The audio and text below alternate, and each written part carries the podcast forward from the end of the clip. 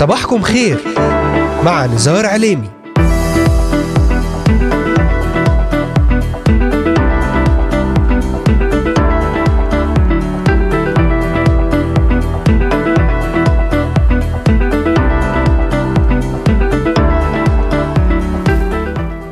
أهلا وسهلا بجميع مستمعاتنا ومستمعينا الكرام وبجميع الذين انضموا الآن لبرنامج صباحكم خير. اليوم الأربعاء الثالث من شهر آب أغسطس للعام 2022 يوم جديد وأسبوع مبارك على جميع المستمعات والمستمعين. معكم على الهواء مباشرة نزار عليمي أهلا وسهلا بكم ضمن برنامج صباحكم خير. أرحب بمستمعينا من الأراضي المقدسة ومن بلدان الشرق الأوسط وشمال أفريقيا من سوريا لبنان مصر تركيا الأردن والعراق ليبيا اليمن السعودية والكويت ومن أستراليا أمريكا ألمانيا كندا والسويد والذين يتواصلون معنا ويتابعوننا على مختلف منصاتنا الاجتماعية لإذاعة صوت الأمل.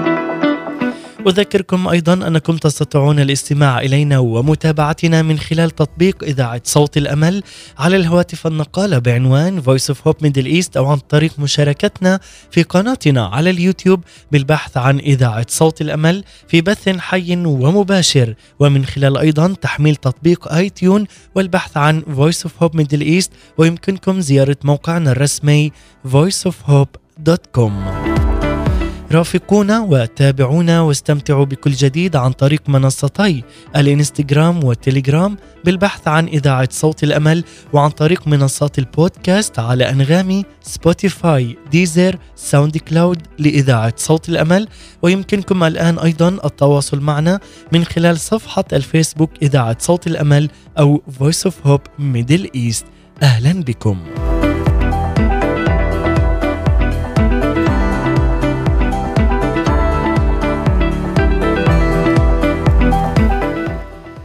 ما أجمل وما أقوى الكلمات المشجعة والمعزية من فم الرب نفسه. ويا لسعادة المؤمن الذي من حقه أن يحصل على سلام الله الذي يفوق كل عقل. في رحلة سفينة حياته براحة القلب. والضمان هو حضور الرب معه بسلامه العجيب قائلا لكل واحد فينا. إذا اجتزت في المياه فانا معك وفي الأنهار فلا تغمرك.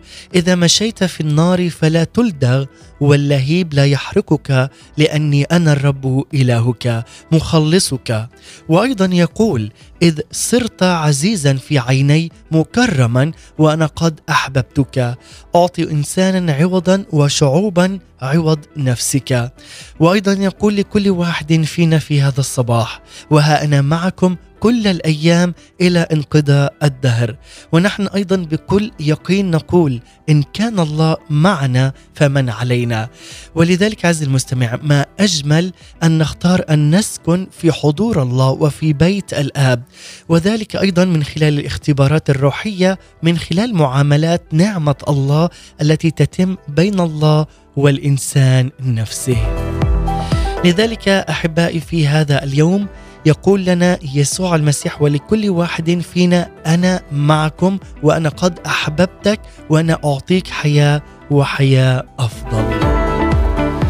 أحبائي المستمعين بعد هذه المقدمة لكم سنتحدث وإياكم ضمن رسالتنا ضمن برنامج صباحكم خير حول كيفية التعامل مع الإساءات الخارجية ولكن بمحبة المسيح. تابعونا على مدار هذه الساعة الصباحية ولأي سؤال أو استفسار تواصلوا معنا الآن. للتنويه أيضا تستطيعون الاستماع والعودة إلى جميع هذه الحلقات من برنامج صباحكم خير من خلال متابعتنا على محرك البحث إذاعة صوت الأمل في تطبيقات أنغامي سبوتيفاي ديزر أمازون ميوزك وستجدون جميع هذه الحلقات والعديد من البرامج الخاصة لإذاعتنا ضمن وعلى هذه المنصات الاجتماعية المختلفة. وأذكركم أيضا أن هذه الحلقات تعاد في تمام الساعة الثالثة ظهرا بتوقيت القدس. أهلا وسهلا. بكم ونبدأ اليوم برحلة جديدة مع هذا العنوان ونكون فعلا في محضر رب المجد يسوع المسيح لننسى ما هو وراء ونتقدم إلى الأمام بنعمة ومحبة رب المجد يسوع المسيح وفعلا أن نتعلم كيفية التعامل مع الإساءات الخارجية ولكن بمحبة رب المجد يسوع المسيح. انطلقنا.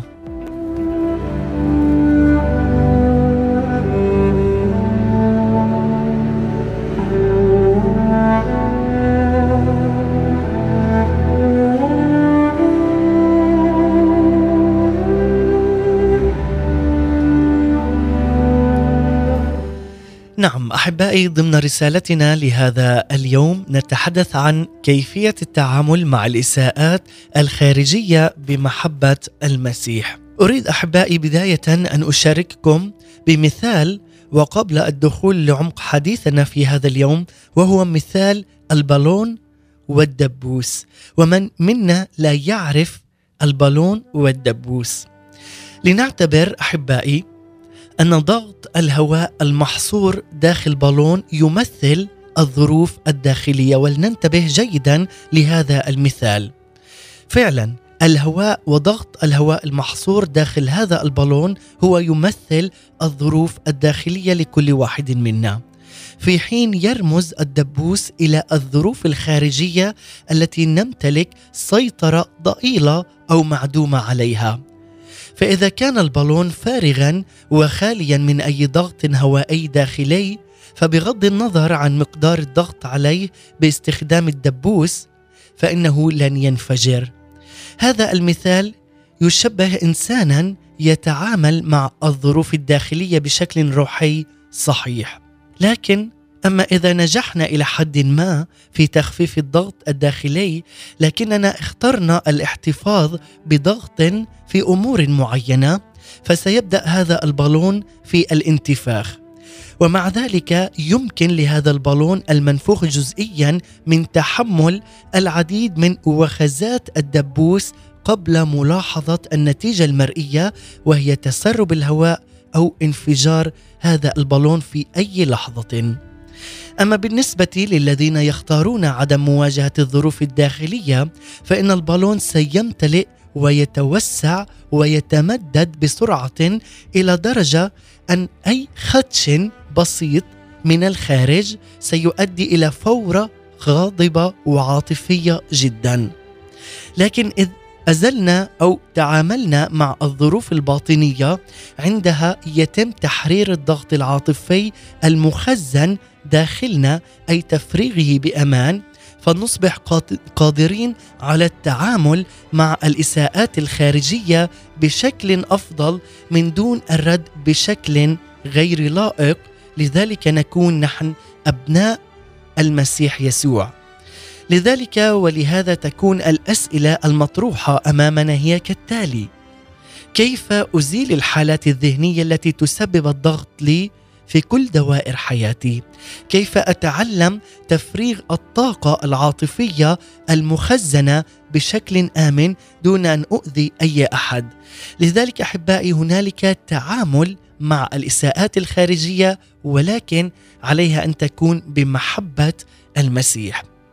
ومن الناحية المثالية ينبغي لهذا البالون الفارغ أن يصف حياة المؤمن ولكن في هذا الجانب من المجد نسعى وراء التشبه بالمسيح وليس أننا صرنا نحن كاملين مثله.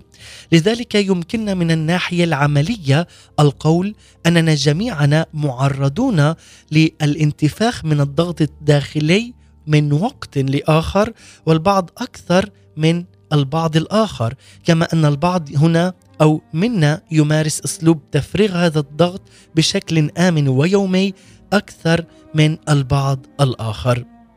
أحبائي هذا المثال هو الجميع قد مر به لذلك أحضرنا لكم هذا المثال لكي فعلا نتجنب أي ضغط نفسي أو عاطفي وبالتالي يأتي بالضرر على حياتنا. لذلك علينا التعامل مع أي إساءة تأتي علينا من الخارج أن نتعامل بها بأسلوب وبمحبة الله. التعامل مع الغضب بأسلوب رب المجد يسوع المسيح. لذلك أحبائي ندخل لعمق حديثنا وذلك من خلال المسيح وهو مثالنا الأعظم. لذلك أحبائي إن أفضل طريقة نخدمكم بها أحبائي المستمعين في هذه المرحلة هي أن نطلعكم على الحل العام للتعامل مع هذا الغضب قبل فحص كيفية السيطرة عليه. عليك أن تفحص هذا الغضب ومصدر هذا الغضب قبل أن تسيطر عليه. فالمسألة أحبائي ليست كيف بل لمن وهذا هو الأهم. إن معرفتنا لشخص المسيح ستساعدنا بشكل كبير جدا على التخلص من مشاعر الغضب وجلب الأمن والأمان للدوافع الطبيعية للتعبير.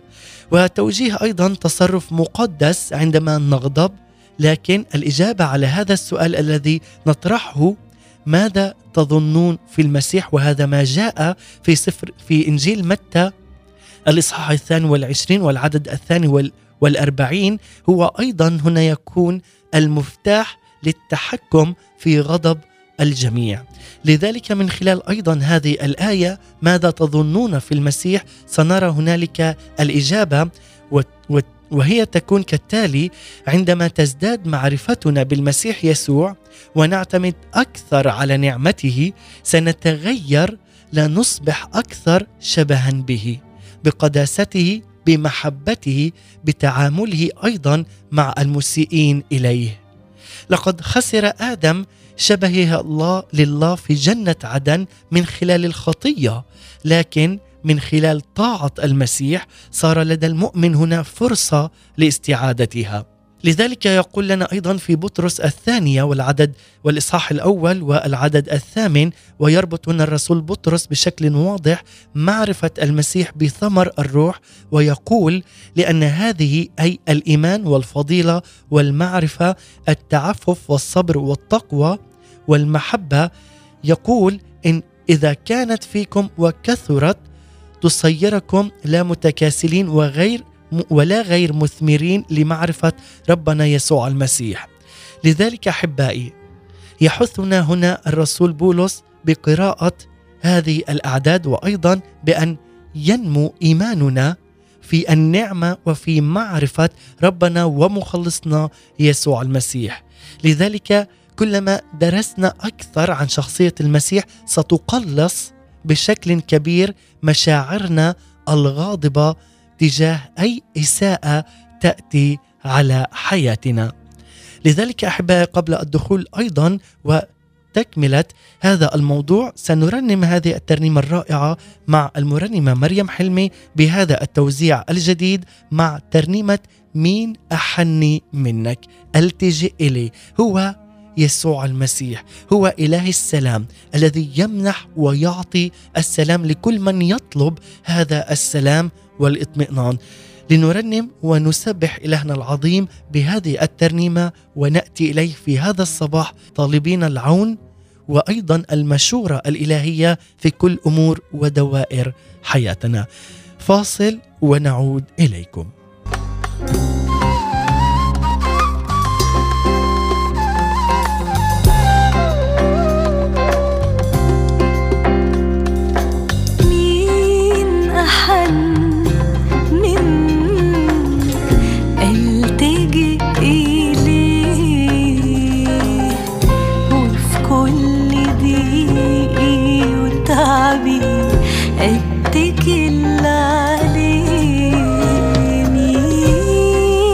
还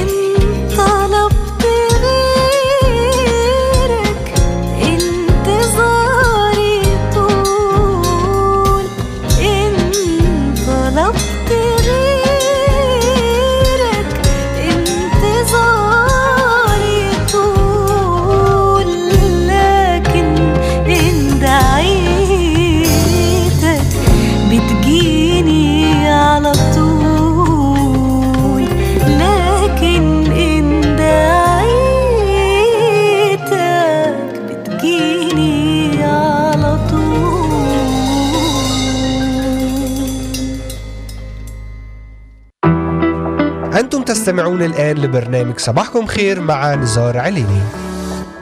عودة من جديد إليكم أحباء مستمعي ومتابعي إذاعة صوت الأمل. بعد أن استمعنا لهذه الترنيمة الرائعة مع المرنمة مريم حلمي مين أحن منك؟ ألتجئ إليك. فعلا وعندما ندعي رب المجد يسوع المسيح ندعوه إلى بيوتنا وإلى قلوبنا فهو يأتي سريعا. هو يحبك عز المستمع يحبك محبة أبدية. أنت ابن وأنت ابنة محبوبة على قلب رب المجد يسوع المسيح. لذلك هو الذي يعلمنا كيفية التعامل مع الإساءات الخارجية ولكن من خلال محبة يسوع المسيح لنا لي ولك عزي المستمع. وهذا هو موضوع حديثنا لهذا اليوم ورسالتنا حول كيفية التعامل مع الإساءات الخارجية بمحبة المسيح.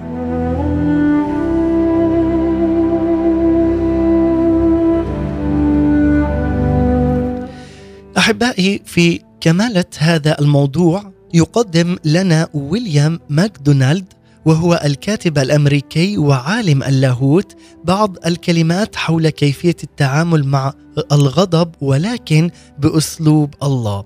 قائلا يجب أن يكون هنالك نمو مزدوج في النعمة وفي المعرفة. فالنعمة هي المظهر العملي لثمر الروح. كما أن النمو بالنعمة لا يعني ازدياد المعرفة العقلية في الرأس أو النشاط الذي لا يعرف الكلل. بل هو نمو في مشابهة المسيح والمعرفة تعني المعرفة الاختبارية للرب من طريق الكلمة الإلهية.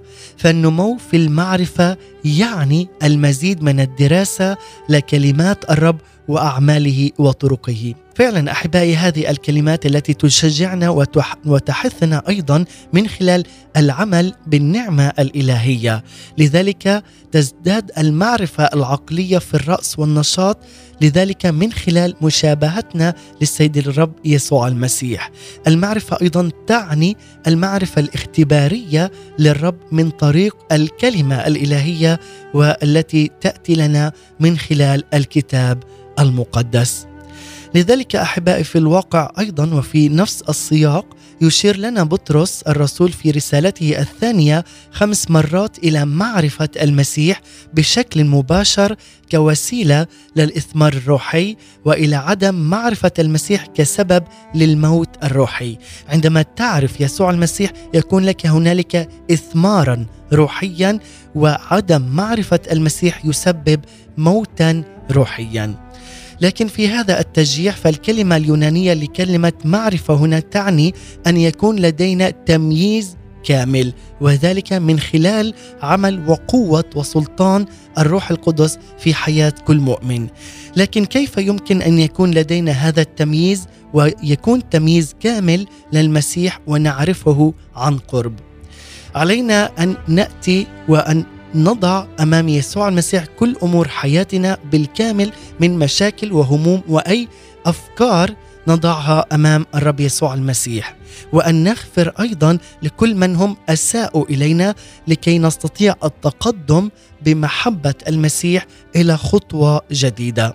لذلك عليك أن تعرف المسيح مزيدا من المحبة والتواضع. لذلك يطرح لنا الرسول أيضا يوحنا غلوا ملحوظا في ختام سرده لخدمة الرب على الأرض. يقول في يوحنا الإصحاح الواحد والعشرين والعدد الخامس والعشرين وأشياء أخر كثيرة صنعها يسوع إن كتبت واحدة واحدة. فلست أظن أن العالم نفسه يسع الكتب المكتوبة. يخبرنا بولس أيضا أنه سيعوز الله الأبدية كلها لكي يظهر غنى نعمته الفائق. وبناء أحبائي على هذا نفهم أن هناك المزيد من الأشياء التي سنتعلمها عن رب المجد يسوع المسيح أكثر مما أعلن لنا في كلمة الله لننتبه إلى هذا جيدا أو أعظم مما يمكننا أن نفهمه الآن. لكن علينا أحبائي أن نحاول أن نتعلم رويدا رويدا عنه كل ما نستطيع من خلال الكلمة المقدسة في الكتاب المقدس. لذلك أيضا يقول في سفر التثني التثنية الإصحاح التاسع والعشرين والعدد التاسع والعشرين قائلا السرائر للرب إلهنا. والمعلنات لنا ولبنينا إلى الأبد لنعمل بجميع كلمات هذه الشريعة. كلما تعلمنا عن المسيح كلما ازدادت شهيتنا الروحية لمعرفة المزيد والمزيد عن يسوع المسيح. لكن هذا يأتي اولا من خلال طاعتنا للحق المعلن من خلال الكتاب المقدس لأنه أيضا يعدنا المسيح بأن يظهر لنا ذاته بشكل أعمق. هذا هو شغف كل تلميذ ومؤمن حقيقي للسيد الرب يسوع المسيح أن يزداد تزداد شهيته الروحية ولمعرفة المزيد والمزيد من يسوع المسيح. لذلك عز المستمع أن يعرف المخلص وأن تكون أيضا مثله. إن حقيقة الإثمار الروحي تكمن في معرفة المسيح وتعلم هذا الفكر المقدس. التواجد في محضره والثبات به وأيضا من خلال الاتكال على نعمته اللانهائية في أوقات الحاجة وفي كل وقت في الحياة اليومية. لذلك عز المؤمن إذ بحثت عن المسيح بهذه الطريقة ستجد أن ميولك للغضب ستختفي تماما وستكتسب أيضا سيطرة روحية أكبر على غضبك, غضبك المقدس عندما تطلبه وعندما تكون دائما في محضر الله.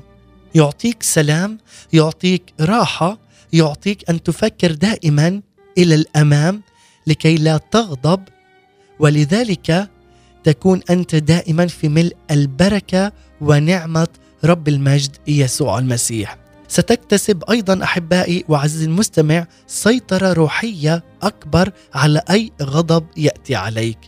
كما قلنا في المثال السابق والذي افتتحنا به هذه الحلقة سيبقى البالون فارغا لأن قوة الله سوف تمر ببساطة من خلالك بدون أي عوائق لتحقيق مجده في الظروف الخارجية الذي يتطلب عملا كبيرا. في الواقع أحبائي ستفيد النعمة من من آنيتك أنت دون أي ضغط كبير وبهذه الطريقة تضمن سلام الله في حياتك يكون هنالك سيطرة روحية من روح الرب يسوع المسيح على حياتك لكي لا يكون هذا الغضب سبب ضرر لك وللآخرين أيضا. ولهذا يعلمنا أيضا كيفية التعامل مع أي إساءة تأتي علينا من الخارج حتى وإن كان من أقرب الناس والأشخاص على حياتنا. حتى لو تم إغلاق أي باب ولكن علينا أن نكون فعلا واثقين أن يسوع المسيح عندما يسمح بأن يغلق أي باب في حياتنا هو الذي سيفتح بابا جديدا بابا عميقا لكي تعرف أنه هو يحبك أنت وستعرف هذا لمصلحتك أنت عز المستمع لأنه أحبك للمنتهى ويريد لك دائما الأفضل. هذا هو رب المجد يسوع المسيح. يقول أيضا عندما يكون لك هذا السلام مع الله ستختبر سلامه ومحبة رب المجد في كل يوم. كما تحدث أيضا الرسول بولس عن نوعين من السلام في حياة المؤمن. اولا وقبل كل شيء تحدث عن سلام مع الله. يقول إذ قد تبررنا بالإيمان لنا سلام مع الله بربنا يسوع المسيح. هذا ما جاء في روميا الإصحاح الخامس والعدد الأول. وأيضا لأن غضب الله على كل خطايا الإنسان قد تمت قضائيا بواسطة موت المسيح الكفاري على الصليب. لذلك يمكن أن يدخل الله في علاقة سليمة وسلمية مع الفرد الذي يعترف بحالته الخاطئة أمام الله ويمارس إيمانه الشخصي بالمسيح يسوع باعتباره مخلصا له عندما تعتبر يسوع المسيح هو المخلص الوحيد لك سيدخل وتدخل أنت في علاقة سلمية مع رب المجد يسوع المسيح. لماذا؟ لأنه يقول لنا أيضا في روميا الإصحاح الخامس ومن العدد السادس حتى التاسع لأن المسيح إذ كنا بعد ضعفاء مات في الوقت المعين لأجل الفجار فإنه بالجهد يموت أحد لأجل بار ربما لأجل الصالح أيضا. وهذه الآيات أحبائي التي تعطينا فعلا بركة ونعمة وحياة عندما نقرأها ونلمس فعلا حضور رب المجد في حياتنا. لذلك أحبائي كلمة سلام هنا مهمة. أن تعرف أن هنالك سلام مع الرب يسوع المسيح في كل دوائر ونواحي حياتك. عليك أن تتعامل مع كل إساءة بسلام داخلي لكي يكون في داخل قلبك سلام وليست بغضة أو أي كراهية تجاه أي شخص. عليك أن تتعامل مع هذه الإساءات الخارجية بمحبة يسوع المسيح. ومن خلال قراءة ومعرفة والتعمق بكلمة الله من خلال الكتاب المقدس. أحبائي سنخرج أيضا لترنيمة جدا رائعة مع مريم غالي ترنيمة هفهم بعدين وفعلا نركز بهذه الكلمات واللحن الرائع والمبارك جدا. سنرنم مع هذه الترنيمة ومن ثم نعود إليكم. ابقوا معنا. يوسف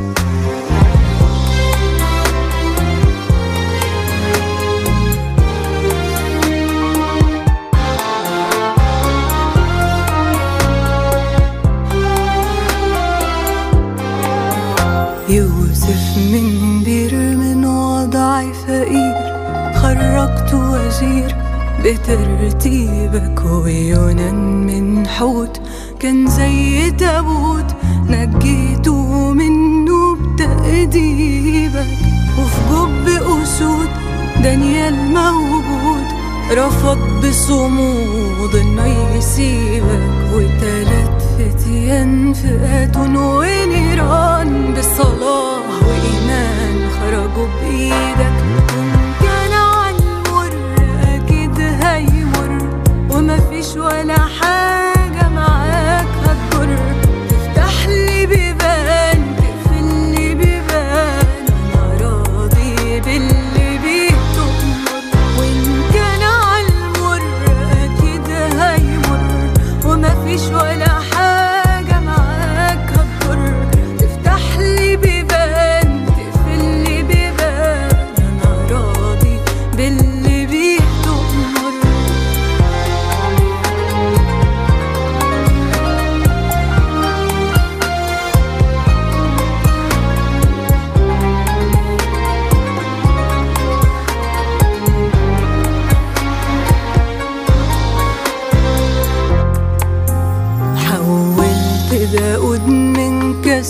وعود يعزف ويعود ويغني لك. صبرت أيوب صبرني أتوب. صلح لي عيوب فيا واجيلك أنت اللي تعين لك وعد أمين. هفهم بعدين معنى كلامك. لا هممني حروب لوابك مغلوب.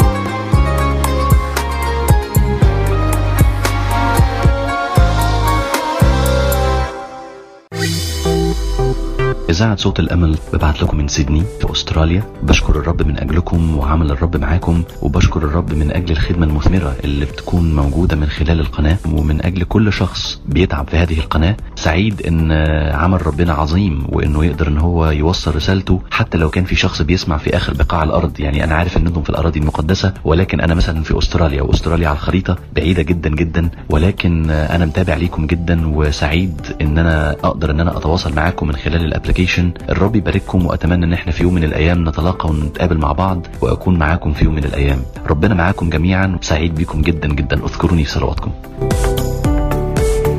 أنا الحقيقة معجب جدا بالإذاعة دي وبحب أسمع ترانيم بحب أسمع برامج مسيحية. الحقيقة صوت الأمل رجع لي الإحساس الجميل ده في أثناء آه، ما بسوق العربية أو في أثناء ما أنا قاعد في البيت. البرامج فيها الصراحة حاجات ممتازة تبشيرية وتعليمية وتسبيح. تشكيلة منوعة جميلة جدا ربنا يبارككم ويديكم نعمة. أتمنى لكم يا رب أن تكون فعلا أن إحنا نصنع وأنتوا تصنعوا أعمالا عظيمة لمجد اسم الرب.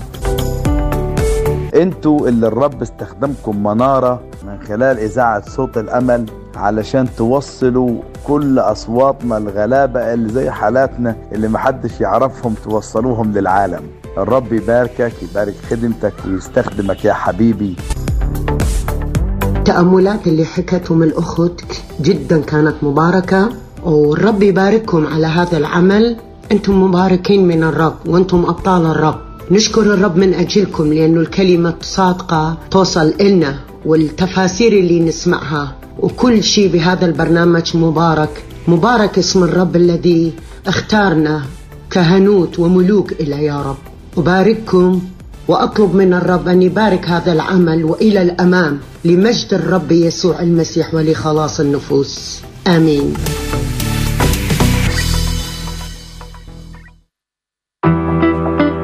تستمعون الآن لبرنامج صباحكم خير مع نزار عليني. عودة من جديد إليكم أحباء المستمعين الكرام. بعد أن استمعنا إلى هذه الرسائل الرائعة والمباركة من الأحباء المستمعين من مختلف بلدان العالم شكرا لكم أحبائي على هذه الرسائل المعزية والمشجعة لنا كطاقم في إذاعة صوت الأمل. وأيضا قد استمعنا إلى هذه الترنيمة الرائعة مع المرنمة مريم غالي. فعلا ترنيمة جدا رائعة معزية مباركة ومشجعة لكل من يسمع ويستمتع أيضا بمثل هذه الترانيم أحبائي نحن نتحدث ضمن برنامج صباحكم خير في رسالتنا حول كيفية التعامل مع الإساءات الخارجية بمحبة المسيح. وختاما أحبائي قد تحدثنا سابقا قبل هذا الفاصل حول السلام مع الله.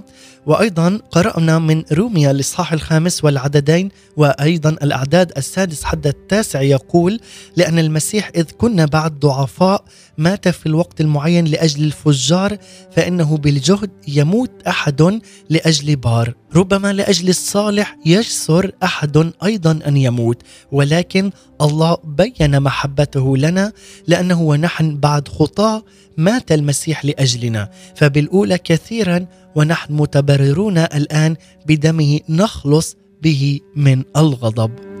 وأيضا تحدث بولس الرسول عن هذا السلام عندما كتب إلى الكنيسة في فيلبي الإصحاح الرابع ومن العدد الرابع حتى السابع يقول لنا افرحوا في الرب كل حين وأقول أيضا افرحوا. ليكن حلمكم معروفا عند جميع الناس. الرب قريب. لا تهتموا بشيء بل في كل شيء بالصلاة والدعاء مع الشكر لتعلم طلباتكم لدى الله. وسلام الله الذي يفوق كل عقل يحفظ قلوبكم وأفكاركم في المسيح يسوع. أحبائي ليس هذا خلاص الروح بل الفكر. عندما نكون واحدا مع الله في تفكيرنا وعواطفنا ومواقفنا وأفعالنا وحتى في غضبنا أيضا المقدس فإن سلام الله سوف يغمر نفوسنا بالكامل. لذلك عندما تشعر بالقلق في المرة القادمة عز المستمع اسأل نفسك في أي ناحية من نواحي حياتي لست واحدا مع الله في تفكيري. إن معرفة المسيح تدخل السلام في حياتنا وتقلص مشاعرنا الغاضبة بشكل هائل وكبير. لذلك إلى فقط تلك المشاعر التي قد تكون عند الله لو كان في إمكاننا.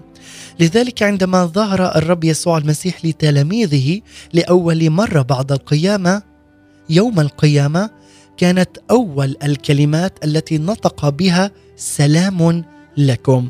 هذا هو إله السلام الذي يمنح ويعطي بفيض وغنى من نعمته ومن سلامه العجيب. ومع ذلك أيضا يقول لنا في يوحنا والعدد الواحد والعشرين ويكرر نفس التعبير مع تعليمات إضافية يقول سلام لكم كما أرسلني الآب أرسلكم أنا. لماذا قال الرب يسوع المسيح الشيء نفسه مرتين؟ كان هنا يدرك بأنه فقط من خلاله يستطيع المرء أن يحصل على السلام مع الله وفقط من خلاله يمكن للسلام الإلهي أن يمثله بطريقة عملية في هذا العالم. لذلك عز المستمع فإذا كان يجب الإتيان بغير المخلصين إلى المسيح يجب عليهم رؤية سلام المسيح في حياتنا وفي كل يوم رغم أي إساءة خارجية نتعرض لها رغم أي ضغوط من هذه الحياة تأتي على حياتنا. لذلك على كل من هو غير مسيحي أو غير مخلص أو غير مؤمن بالمسيح يسوع يجب عليه أن يرى سلام المسيح في حياتك لكي فعلا يؤمن بهذا المخلص ويشعر بهذا السلام الذي أنت تشعر به بالرغم من أي ضيق ومن أي موجات غضب تأتي على حياتك. لذلك عز المستمع عليك أن تعلم أن يسوع المسيح هو رب السلام هو الذي يمنح لكل واحد فينا السلام والحياة الأبدية. لذلك سنختتم مع هذه النقاط الهامة. إن معرفة المسيح وفهم تدبيره للحياة الأفضل سيساعد المؤمن على التعامل مع الغضب ويجب على كل مؤمن مسيحي أن يتمتع بقبول الذات وليس بتعظيم الذات لكن في تعظيم رب المجد يسوع المسيح. على كل مؤمن مسيحي أن يثق في عمل الله في حياته في كل كبيرة وصغيرة عند إغلاق أي باب وعند فتح أي باب لحياتنا. يجب على كل مؤمن مسيحي أن يفهم قصد الله من الحياة حتى في وسط الغضب وفي وسط أي مشكلة تأتي على حياتك عليك أن تهدأ أن تتروع وأن تعيش في سلام وفي أمان مع الله وأن تدرك كيفية التعامل مع أي إساءة خارجية ولكن تكون هذه التعامل بمحبة يسوع المسيح. يجب على كل مؤمن مسيحي أن يكون لديه خوف خاشع للسيد الرب يسوع المسيح، أن تكون له الصلة والصلاة يوميا مع رب المجد يسوع المسيح لكي تكون مقدسا وأن تعيش في القداسة والتقوى.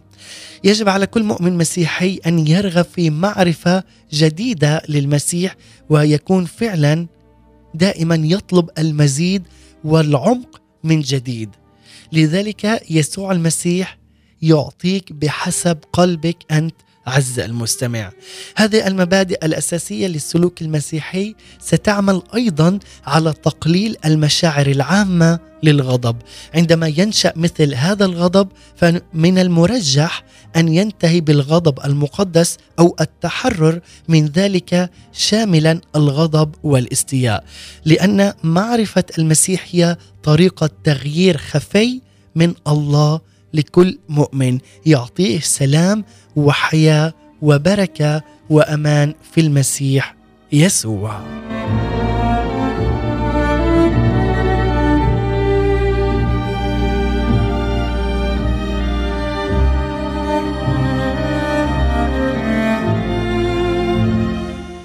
لذلك أيضا يقول لنا لا يفرض الرب نفسه علينا ابدا حتى عندما نكون في أي محنة علينا أن نريده لأنه وعد بالفعل بأن يكون هو معنا. قائلا لي ولك لا أهملك ولا أتركك.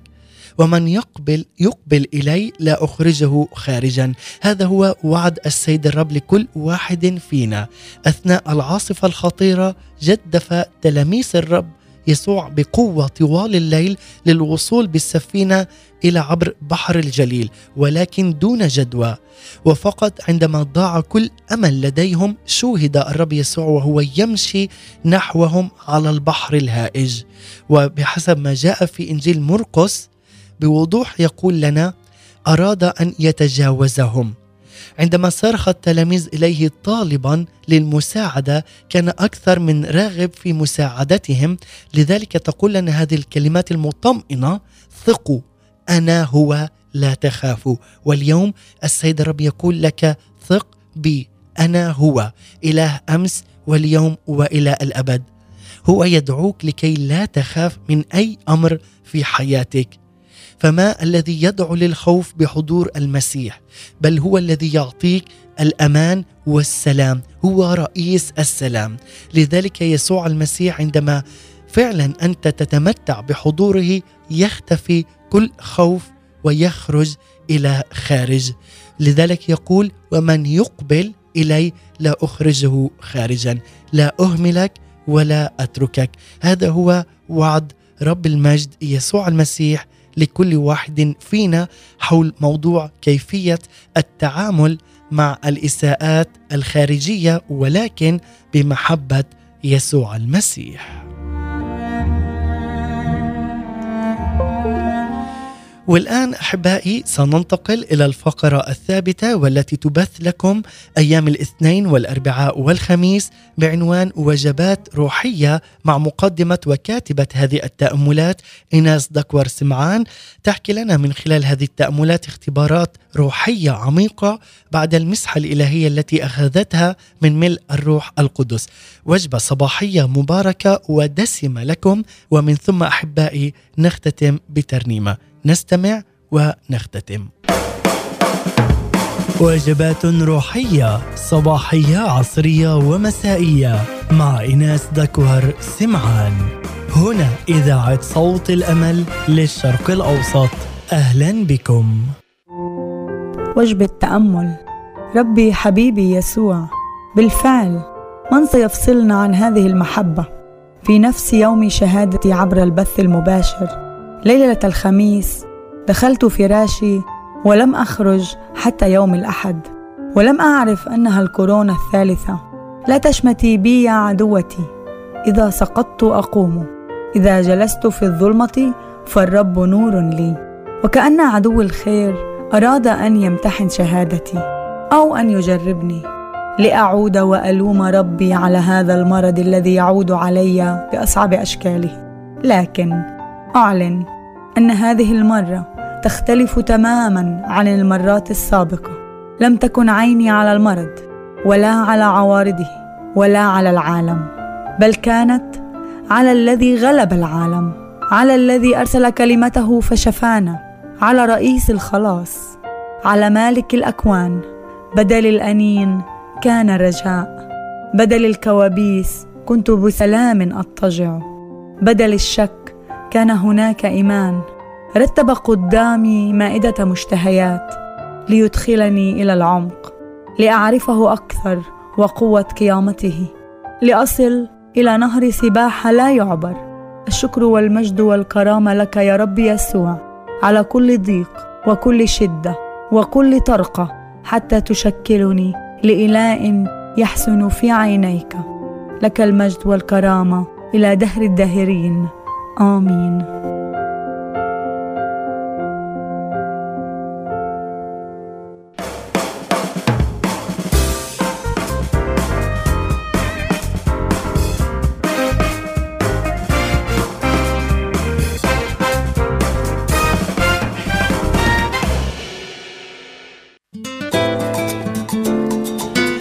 نعم أحبائي بعد هذا التأمل الرائع والمبارك لا تنظر إلى أي مرض أو أي ضيق على أنها مشكلة بل قوة جديدة واختبار وعمق جديد في المسيح يسوع. وأختتم مع جانا إسحاق وجيسون إسحاق ترنيمة يهوى يرأى. أحبائي أشكركم على حسن المتابعة والإصغاء كان معكم على الهواء مباشرة نزار عليمي. من إذاعة صوت الأمل تحياتي لكم. سلام المسيح. إلى اللقاء. يوم الطوفان شاغل تفكيره كل حياتنا يهوى يرقي شايف ومدبر قدام عينه حلول لنجاتنا يجي بسرعة ولا يتأخر. شاغل تفكيره كل حياتنا يهوى يرقي شايف ومدبر حلول يجي بسرعة ولا يتأخر دبر أمر خلص شعبه من عبودية في مصر زمان. دبر نفسه ذبيحة عظيمة يفدي حياة كل إنسان. دبر أمر خلص شعبه من عبودية في مصر زمان. دبر نفسه ذبيحة عظيمة يفدي حياة كل إنسان. شاغل تفكيره كل حياتنا يهوى يرقي شايف ومدبر قدام عينه حلول لنجاتنا يجي بسرعة ولا يتأخر. شاغل تفكيره كل حياتنا يهوى يرقي شايف ومدبر شايف ومدبر قدام عينه حلول لنجاتنا يجي بسرعة ولا يتأخر ولا بيتأخر. مش ههتم بحاجة وأفكر ده مدبر كل الحياة. امبارح دبر لجدادنا واليوم شايفه بكرة معاه. مش ههتم بحاجة وأفكر ده مدبر كل الحياة. لجدادنا واليوم شايفه بكرة معاه شاغل تفكيره كل حياتنا يهوى يرقي شايف ومدبر قدام عينه حلول لنجاتنا يجي بسرعة ولا يتأخر. شاغل تفكيره كل حياتنا يهوى يرقي شايف ومدبر قدام عينه حلول لنجاتنا يجي بسرعة ولا يتأخر.